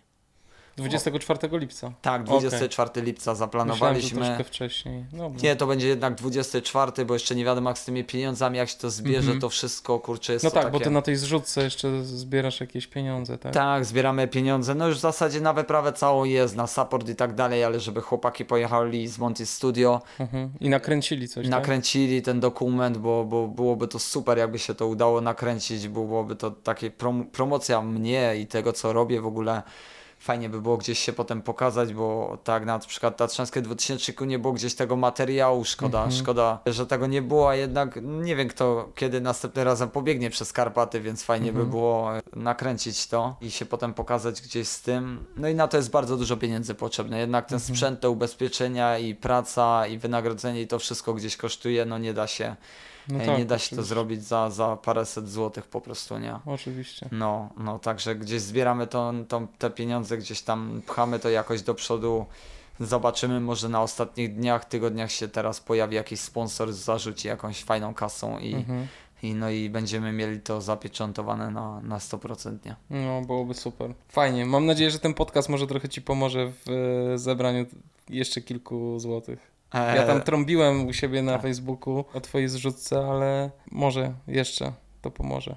Pewnie, że tak na pewno jacyś jeszcze się obserwatorzy nauk Karpat pewnie znajdą e, dzięki temu podcastowi. Oczywiście ka każdy jakaś pomoc i każdy e, jakiś tam człowiek, który coś tam wpłaci, to, to daje jakiś krok do przodu, do, do, dokłada się do tego łuku Karpat, nie? No właśnie, to jest piękny cel. Zresztą to też jest promocja Polski tak naprawdę, wiesz? Znaczy my mamy wspaniałych w ogóle biegaczy. Tworzy się nam Tak. wspaniała elita biegaczy i to wiesz, Tak. począwszy od krótkich dystansów, jak Mhm. na przykład Bartek Przedwojewski, a kończąc, wiesz, na Patrycji Bereznowskiej czy Pawle Żuku, no to są, wiesz, no, a gdzieś w środku tych dystansów jest jeszcze Marcin Świerc, co nie? Tak jest, tak jest. Fajnie, że każdy tam gdzieś jest. Kurczę, Fajnie, że każdy robi coś innego. Ktoś Tak. tam na asfalcie, ktoś Tak. tam jakieś krótkie biegi, właśnie ktoś jakieś takie wielkie zawody gdzieś tam światowe, ktoś też jakieś ultra, ktoś takie jak ja właśnie też jakieś tam takie długodystansowe biegi po górach, gdzieś jakoś połączone to właśnie nie tylko z czasem i z zegarkiem i kto szybciej, ale z taką przygodą fajną, zdobycia Tak. czegoś nowego, zrobienia nowej trasy, czegoś takiego. No tak, wszyscy, wszyscy tutaj y, promują właśnie Polskę, no, no Mm. i pod jednym kolorem kurczę biegamy e, pod jedną narodowością, no jest to super reprezentować kraj, nie? absolutnie. No je- jest to piękne, jest to fajnie, no. no. Gdzieś tam są właśnie te marzenia zostać jednym z tych najlepszych na świecie. Mhm. E, to są już takie marzenia z najwyższej półki, można powiedzieć. Dą, dąży się cały czas gdzieś. No tak, do- chociaż wiesz, no. ciężko zostać najlepszym na świecie w biegach górskich, bo to zawsze są inne warunki, inne Tak, trasy. tak. Natomiast wiesz, być ważnym i inspirującym, Tak, to tak. jest chyba tak naprawdę Dokładnie. cel, prawda? nie, nie ma tam jednego, jednego, jednego najlepszego z najlepszych. Jest Tak. tam w tym, w, fajnie być w tym kręgu po prostu tych jednych. e, Takiej tych, elity nazwijmy Tak, to. można tak powiedzieć, z Tak. tych tam czempionów gdzieś tam biegowych, kurczę, no, no. Bo ty już jesteś w- przynajmniej w polskiej elicie, jeśli chodzi o biegi ultra, tu nie ma co ukrywać. W tym roku ostro tam łoisz i no, no zajmujesz roku, piękne lokaty. Tak. No ale tym łukiem Karpat w tym takim wymiarze XXXL to możesz naprawdę nieźle, nieźle namieszać w, w świadomości ludzi to całej Europy i świata myślę, także No, fajnie by było się pokazać nawet gdzieś dalej, jak tylko, e, tylko na polskim rynku, żeby, żeby ta, jak się to uda wszystko zrobić, gdzieś ta wieść szła w świat. poszła dalej. No, Mhm. no, super, super by to było. Gdzieś tam pokazać się i tworzyć przede wszystkim tą historię, nie? No, każdy by gdzieś chciał tam tworzyć tę swoją historię. Mam takie, można powiedzieć, swoje 5 minut, więc też chcę je wykorzystać, nie stracić szansy, bo, bo skoro ją dostałem i czuję się na siłach i mam ten pomysł, no to trzeba to gdzieś e, wykorzystać. Nie wolno tego zaprzepaścić. Absolutnie. No. I mam nadzieję, że ta twoja trasa stanie się takim standardem, jeśli chodzi o pokonywanie łuku Karpat i że wiesz, że się znajdą inni amatorzy na tę samą trasę, żeby na przykład zrobić tę trasę szybciej. No jeszcze jej nie pokonałeś, ale wiesz, załóżmy, że... W głowie już jest pokonana. W głowie, już wiadomo, widzę Bratysławę tak. i metę. To bardzo dobrze. Już widzisz następny cel, wiesz, i to Tak, właśnie o to tak. chodzi. Tak, tak. I myślę, że tędy jest jakaś ta droga też. Jak widzisz, że Tak. jest następny cel, to już tak czujesz, że ta trasa już gdzieś tam zrobiona Już jest, jest, w zro... głowie. już No. jest zrobiona, No, tak. no. Zgadzam się, jest to jakaś me- metoda, żeby mentalnie się dobrze nastawić. do I tego. jasne, jest tak, jasne, że tak jest. To jest, to jest dodaje to siły na pewno, kurczę. No, nie ma się co bać. Przygoda. Absolutnie. Przygoda przede mną. Dziękuję Ci serdecznie i powodzenia. Dzięki Trzymaj się. wielkie, do usłyszenia, powodzenia. Hej. Trzymaj się. Hej.